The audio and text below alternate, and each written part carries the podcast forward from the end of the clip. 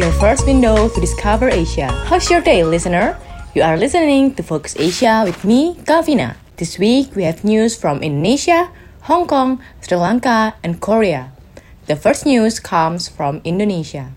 Indonesia, as the largest producer of palm oil in the world, is conducting tests to see whether cars can operate efficiently on diesel that is mixed with 40% of cooking oil and whether it is effective at higher elevation. A positive outcome would reduce export and shift more local supplies toward biofuel.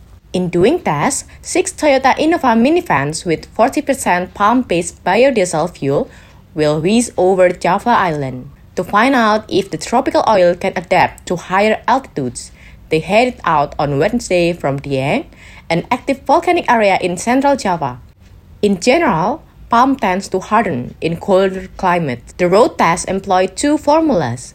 One is a mixture of 60% gas oil, 10% hydrogenated vegetable oil, and 30% fatty acid methyl ester. The other mix used a mixture of 40% fatty acid methyl ester and 60% gas oil. The result of the road testing thus far indicate that the fuel used efficiently is generally comparable to the B30 mix. Additionally, they demonstrated that the plant can be utilized in higher elevation at temperature between 17 and 18 degrees Celsius and that the engine can be roughly one second after ignition. After the tests are finished in December, the ministry will make suggestions for the B40 mandate. If the B40 mandate is put into effect, domestic use of palm-based biodiesel will increase by between 3.4 million and 3.5 million kiloliters. Government will next decide if and when to apply the higher combination.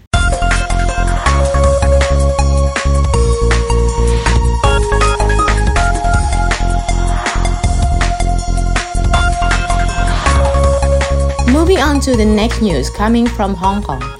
After becoming concerned about elderly patients who had to wait days or weeks for public hospitals to check if they were sick with dangerous illnesses like pneumonia, a Hong Kong startup has developed a new quick blood test to identify the causes of fever.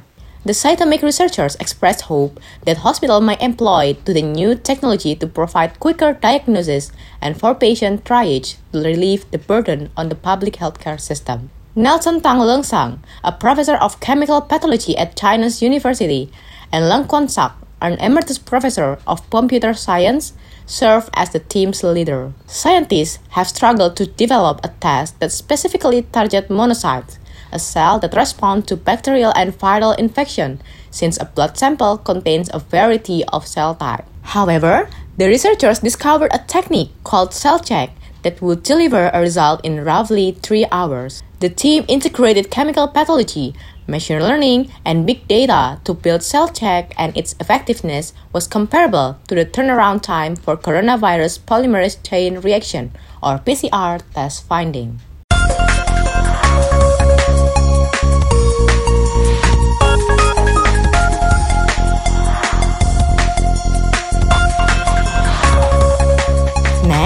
We have news about Sri Lanka to open South Asia's first Disneyland. Diana Gamage, the Minister of Tourism for Sri Lanka, had earlier stated that she and officials from Disneyland had been in talks about establishing a park there.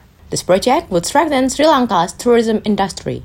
A delegation from Disneyland has agreed to go to Sri Lanka in November to explore establishing in the first Disneyland in South Asia. Hambantota has a thriving port city and well-known cricket venue and offers a rich cultural and natural environment. The largest national park in Sri Lanka, Yala National Park, is located in the port city, along with well-known Buddhist monasteries and stupas. They contribute greatly to the Buddhist circuit. The construction of a Disneyland theme park and the staging of the Miss Tourism World finale are both considered as major boons for Sri Lanka's tourism industry.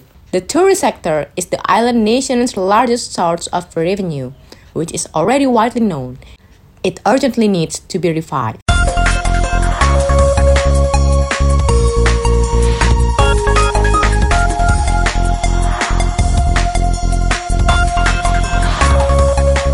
Not least, there's a news about Ji Chang-wook, who will come to Indonesia.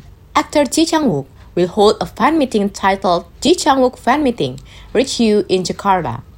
This fan meeting will be held on Saturday, 3 December 2022 at Casablanca Hall, Kota Casablanca, South Jakarta, with Mecima Pro as promoter. The Changwook fans meeting ticket can be purchased at www.traveloka.com or at www.mecimashop.com. However, for viewers who still have ticket for Ji Changwook's fan meeting in 2020, which was cancelled, can be used for this 2022 fan meeting. Mecima Pro has not provided more detailed information about when tickets can be purchased and the latest Ji Changwook fan meeting ticket prices. Mecima Pro asks viewers to continue to monitor their social media for the latest information regarding tickets. The news from Ji Changwook closes this week's episode. Don't forget to always listen to Focus Asia every week to update your knowledge about what happens in Asia. I'm Calvina. See you on the next episode of Focus Asia, your first window to discover Asia.